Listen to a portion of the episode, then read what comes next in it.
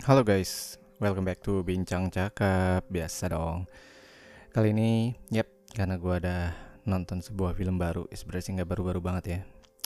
Tapi seperti biasa kita akan memulai podcast Bincang Cakap dengan subjek ngobrolin film You. Dan kali ini gue akan ngebahas mengenai film ributnya Charlie's Angels ya. Ya buat yang nggak tahu Charlie's Angels, kayaknya sih nggak mungkin ya. Itu udah udah mendunia banget lah itu film dari yang dulu banget sampai yang sekarang. Dan kebetulan yang sekarang adalah kayak kayak dibilang ribut juga enggak ya? Soalnya di dalam filmnya ada ada foto kamar dan dia sama si Bosley yang terdahulunya ceritanya ya kan? Cuman ya tapi oke. Okay, sekarang gua akan bahas mengenai filmnya si Charlie's Angels ini dulu. Pertama-tama kita akan disuguhkan dengan adegan menggodanya dari si Kristen Stewart si Bella dari Twilight. Well jujur aja gue kaget gitu pas pertama kali udah lama banget ngeliat Bella di film terakhir ya film yang kita tonton ya gue sih maksudnya yang gue tonton adalah Twilight ya kan? Cuman sekarang si Bella ini berperan sebagai salah satu angels yang ya energetic dan cheerful gitulah. Karena memang angels itu kan ada tiga kan. Nah ini baru ada dua yang diceritakan di adegan awal gitu. Nah si Bella ini yang yang cheerful yang energetic yang mungkin masuk ke tipikal yang menggodanya juga kali ya kan emang dia cakep banget sih situ gue akuin. Bella pertama kali sih eh si Steven apa Steve siapa sih namanya? Aduh Kristen Stewart ini pertama kali gue lihat cakep banget. Itu nggak di toilet tapi di film ini gitu asli dengan rambutnya yang kayak panjang gitu ya. Walaupun nanti pasti adegan selanjutnya ya itu cuma pakai wig cuman well damn she is hot. Oke okay. terus uh, Charles Angels si Angels yang kedua itu yang dipelanin sama si Jane Jane itu adalah si gue nggak kenal sih si aktornya. Jujur juga nggak kenal si orang orang ini gitu. Namanya si Ella Ella Balinska. Kayaknya sih model tinggi banget soalnya. Dan well dia kayak gue nggak mau bilang orang kulit hitam sih takut rasis banget. Cuman ya memang ya dia warna kulitnya berbeda sendiri di situ ya. Dan kemudian kita ada satu angels yang bakal jadi rekrutmen selanjutnya yaitu si Elena. Nah di film ini itu diceritain mengenai uh, sebuah perusahaan sumber daya atau energi tenaga gitu berhasil menemukan namanya Kalisto itu adalah prototipe untuk mengubah energi itu nggak pakai kayak minyak atau gas tapi dia pakai magnet bumi diubah dikonvert jadi energi dan bisa jadi listrik gitu. Dan diceritain di situ ya uh, ini penemuan untuk kemajuan manusia gitu kan. Cuman si Elena ini dia mengetahui bahwa selain untuk uh, kemajuan manusia ternyata ini juga bahaya loh untuk bisa jadi senjata mematikan juga gitu. Karena kan energi bumi magnetik itu kalau di mana-mana kan pasti ada gitu kan. Namanya juga di bumi gitu kan. Kalau diubah ke satu titik bisa jadi kayak alat mematikan kayak jadi kayak EMP ke seseorang gitu. Jadi nanti efeknya bakal kejang-kejang kayak serangan jantung gitu.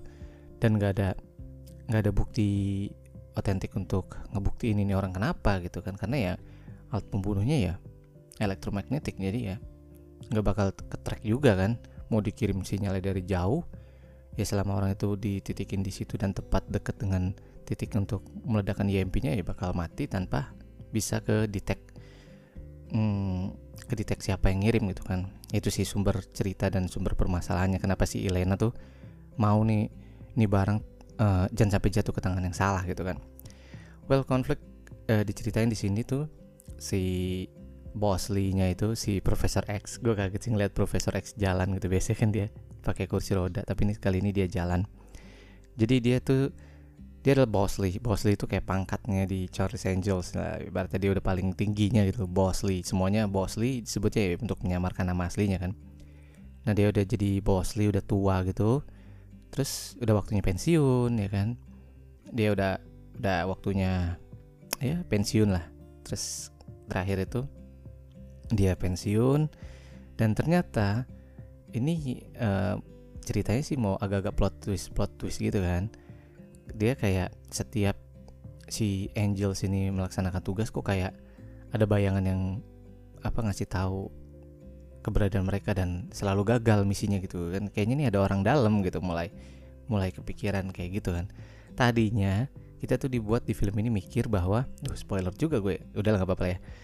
Di film ini dibilang bahwa kayaknya sini yang uh, rambut putih itu tuh si Bosley yang baru yang cewek itu yang yang jadinya jahat diceritakan ceritanya ya kan. Si Elizabeth Banks eh iya yeah, Elizabeth Banks itu yang jadi Bosley yang cewek itu diceritakan uh, kemungkinan dia bakal jadi jahat tapi nggak tahunya yang jahat itu si Profesor X gitu kan. Duh gue langsung ke akhirnya nih. Tapi filmnya seru sih asli seru karena dari awal itu udah action banget. Dan ya ada jokes jokes yang bagus juga yang membuat gue tertawa di film itu di bioskop itu walaupun yang ketawa mungkin gue sama istri gue doang karena tahu yang lain kok nggak nggak nggak nggak dapet jokesnya gitu ya. Terus ya kalau dari gue sendiri karena gue ngeliat film ini itu dari well made film banget. Jadi kayak ini film pembuatannya bagus banget gitu. Per cameo-nya tuh bukan main-main cameo-nya banyak gitu. Cameo artis-artis terkenal gitu ya kan. Ada si cowoknya itu yang siapa tuh yang cowok? Yang yang temennya si Elena tuh. Itu adalah si aktor Netflix gue inget tuh ya. Lupa gue namanya asli. Wah pokoknya ada deh itu di main film tentang dating dating gitu di Netflix yang itu dia main di film ini walaupun hanya sekelebatan sekelebatan doang ya cuman ada aktor-aktor lain juga yang ya gue bilang ini film superstar banget sih isinya. Kayak misalnya ada si itu yang Bosley yang mati si Jimon Honsu. Nah itu itu dia cuma sebentar doang sih di bagian awal ya kan. Terus sama ada apa tuh ya si aduh yang paling kena sih yang di Netflix itu itu karena dia masih baru banget jadi fresh. Orang-orang pasti kayak oh iya ini orang yang ini nih yang cowok ini gitu kan. Alurnya sih bagus alur uh, film Charlie Angels ini bagus bagus banget malah.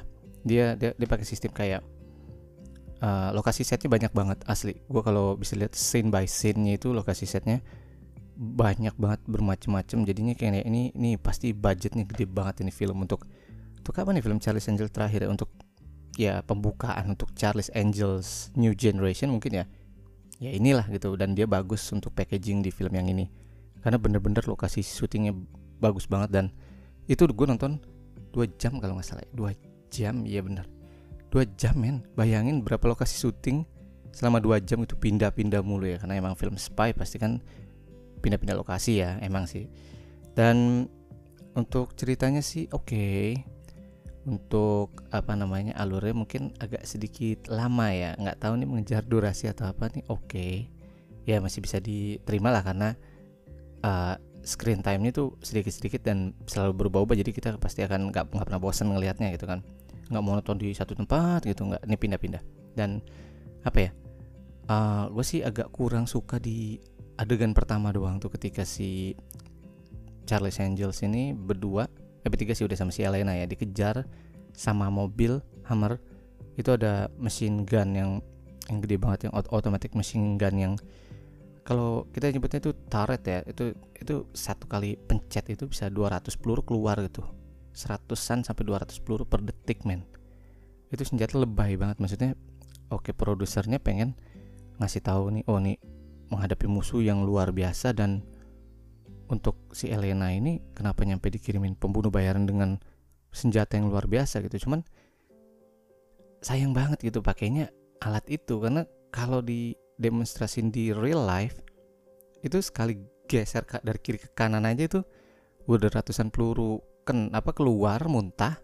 Itu harusnya itu mobil si Charles Angel tuh kena gitu. Apalagi kalau dititikin satu gitu ter meledak gue rasa.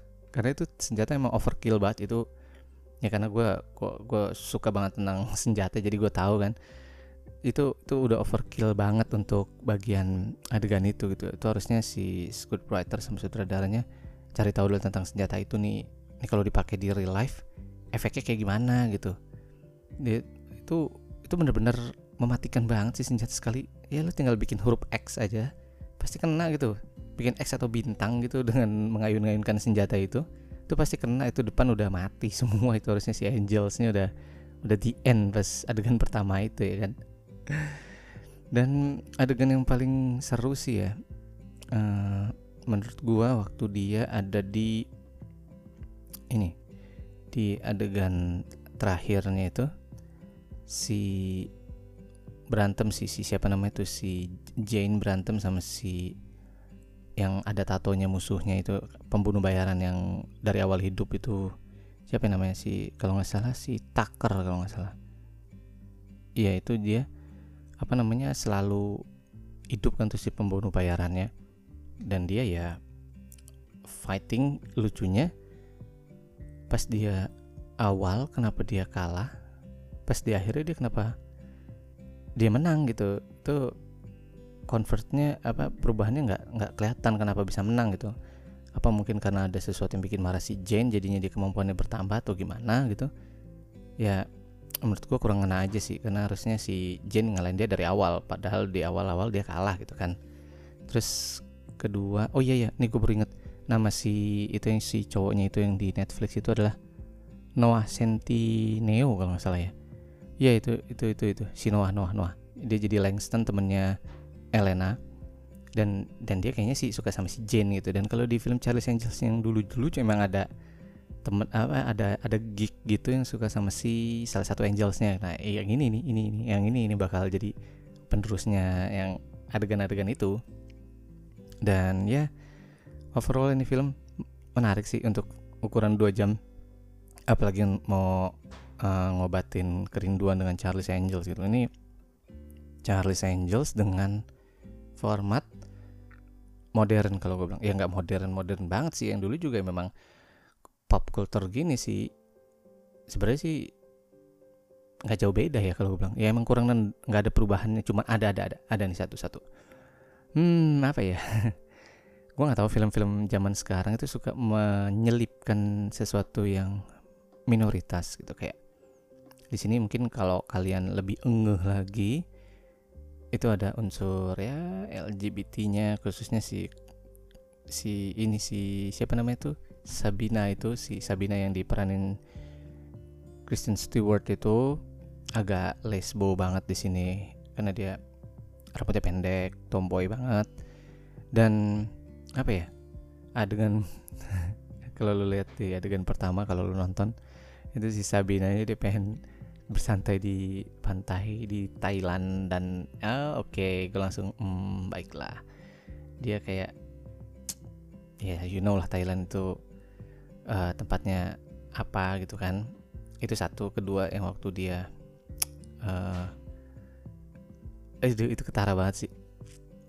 Yang dia dia nyolong nyolong nyolong ID ID apa namanya ID untuk masuk ke dalam rumahnya si eh bukan rumah perusahaannya si Kalisto ini. Dia kan uh, ada cowok gendut gitu lagi di gym. Eh di hotel apa di gym? Kayak di gym deh. Iya di gym di gym. Di gym dia ngambil kan. Terus pas abis dia ngambil dia berdiri di resepsionis. Terus pas dia selesai berakhir ada cewek satu datang ke resepsionis. Terus dia langsung nengok kayak oh damn. Kayak kayak kayak ngeliatnya kayak kayak kayak nafsu gitu. Gue oke okay, ini udah udah jelas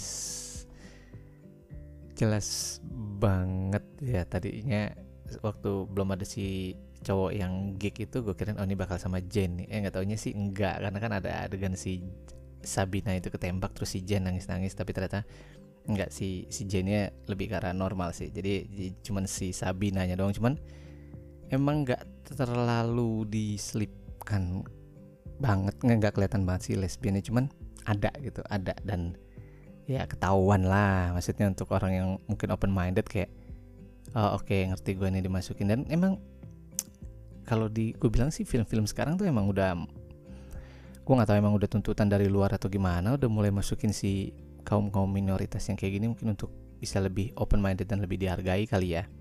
Dan di Charles Angels ini ya salah satunya kalau gue bisa bilang.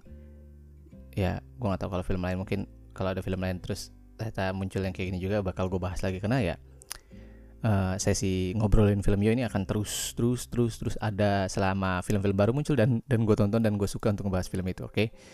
jadi ya ya itu salah satunya yang gue bilang baru baru karena di Charles Angels yang dulu kayaknya semuanya straight straight aja ya kecuali yang ini gitu kan. Dan ya bagus bagus. Mungkin keduanya bakal lama lagi untuk dibuatnya ya nggak tahu deh tergantung dari penjualannya yang yang pertama ini sih ya. Cuman kalau gue bilang sih ya bagus sih bagus bagus. Cukup bagus menghibur lah. Nggak uh, eh, gue sekarang film bilangnya bagus ya karena nggak ada film yang jelek maksudnya apa ya gue sih menghargai orang yang membuat film gitu sekarang. Kalau gue pribadi karena gue udah tahu cara bikin film itu susah banget prosesnya itu wow. Dari screen type apa screenwriting terus sama briefing scene ya, ya kayak gitu-gitu dan dan untuk bikin film kayak gini gitu wow. Itu pasti luar biasa banget gitu kan. Nah karena itu gue nggak berani bilang ada film jelek itu enggak mungkin gue bakal bilang film kurang menarik ya. Ya tapi itu opini gue aja sih harusnya gue lebih subjektif lagi. Cuman ya benar nggak ada film jelek ada film ya kurang menarik ya kita harus menghargai orang yang membuat film kalau dia udah jadi satu film ya ya udah gitu. Berarti bis, bilang aja mungkin filmnya uh, storynya kurang kuat gitu atau gambarnya kurang kurang tajam eh bukan kurang tajam kurang menarik nah kayak gitu gitu jadi bilang jelek lah ya. Karena ya kita karena gua tahu rasanya ngebuat film itu gimana. So ya aku jadi bahas tentang film sih. Enggak ya jadi si Charles Angels Charles Angels ini kalau kalian mau tonton wajib wajib ya sama sama orang yang mungkin ngerti joke-joke cepet gitulah. Biar kalian tahu funnya nonton film ini gitu. Jangan jangan nonton film ini rata aja nggak ada ketawa ketawanya gitu jangan ya. Jadi kalian harus harus coba dalami filmnya lagi untuk resapi uh, biar ke terasa seneng gitu funnya nonton film ini gitu. Karena ini film lumayan lama dua jam gue dari jam tuh eh dari jam 7 sampai jam sembilanan kalau nggak salah gue baru kelar tuh ya. Dan ada after bukan after credit ya jadi kayak di akhirnya itu ya diceritain tentang trainingnya si Elena. Si Elena training di di town Sen kalau nggak salah namanya tuh ya. Pokoknya di agensinya si Charles Angels ini lagi di training dan ya dia lulus akhirnya dapet tato kan. Oh iya jadi ceritanya tuh mereka itu kenapa bisa komunikasi lancar gitu. Jadi ada micro micro apa ya communication gitu yang ditato di di anggota tubuh mereka di dada atau di leher gitu. Jadi selama ada tato itu mereka komunikasi udah kayak pakai HT gitu. Dan dan waktu si Elena minta kan oh gue juga mau dong dibikin kayak gitu. Dan itu nggak bisa harus lulus jadi angels dulu. Dan dia dengan terakhir dibilang oke okay, udah siap ditato kan udah untuk ditato alat komunikasi itu kan give me my wings gitu. Kayak kayak oke okay, kasih gue sayap gue gitu. Karena emang tatonya bentuknya sayap. Sebenarnya ini kalau feeling gue harusnya gabung sama Victoria Secret ya sama model-model itu cocok-cocok banget ini. Karena ya model Victoria's Secret gitu loh ya. So daripada ngelantur jadi ke model Victoria's Secret saran gue untuk uh, nilai gue untuk film Charles Angels ini hmm, 1 sampai 10 ya. Hmm, untuk scene yang selalu berubah-ubah lokasi dan juga apa namanya ya kealusan dalam menyelipkan sisi minoritas ya gue kasih 7,8 lah hampir 8 ya cuman kelamaan doang tuh kalau kalau dipangkas dikit jadi cuman dua setengah jam atau dua eh, apa satu jam 40 menit aja. Itu kayaknya lebih ung lagi. Jadi ya 7,8 untuk film Charles Angels yang ribut eh ribut bukan sini ya pokoknya yang terbaru inilah ya. So kalau kalian mau cari film baru lagi untuk ditonton ini adalah salah satu rekomendasi dari gua. Jangan lupa ditonton di bioskop bioskop terdekat. Dan seperti biasa uh, gue Akmal Ramadika. Kalau ada kritik saran dan komen atau ide mungkin untuk podcast bisa kalian kirim melalui email di akmarama@gmail.com karena di situ gue selalu ngecek email kok. Jadi kalian bisa tulis di situ atau kalau kalian mau gabung podcast di sini di ruangan kecil gue ini juga kalian bisa tulis di situ ya.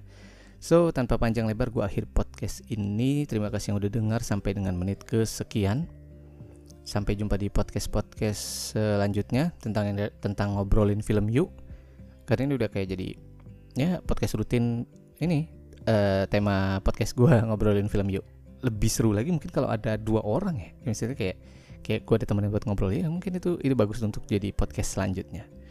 So thank you banget yang udah dengar. Sekali lagi selamat menjalani hari karena kebetulan podcast ini gue bikinnya pagi-pagi bukan malam. So ya yeah, gue rasa sekian aja. Gue Akmal Ramadika sampai jumpa di podcast selanjutnya. Bye